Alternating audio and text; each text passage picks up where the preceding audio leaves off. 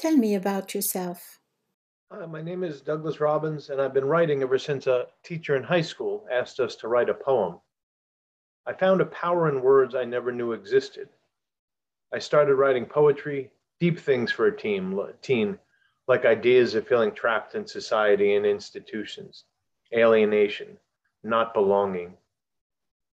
When younger, I carried a lot of pain.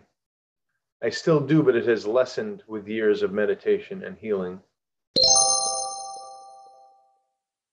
حدثني عن نفسك.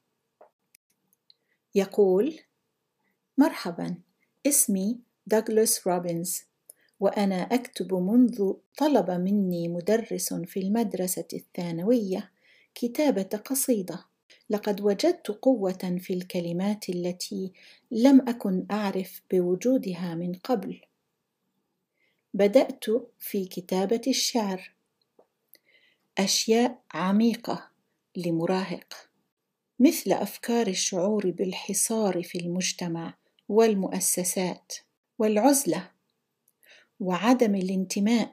عندما كنت أصغر سنا كنت أحمل الكثير من الألم وما زلت أحمل ذلك الألم لكنه تراجع مع سنوات من التأمل والشفاء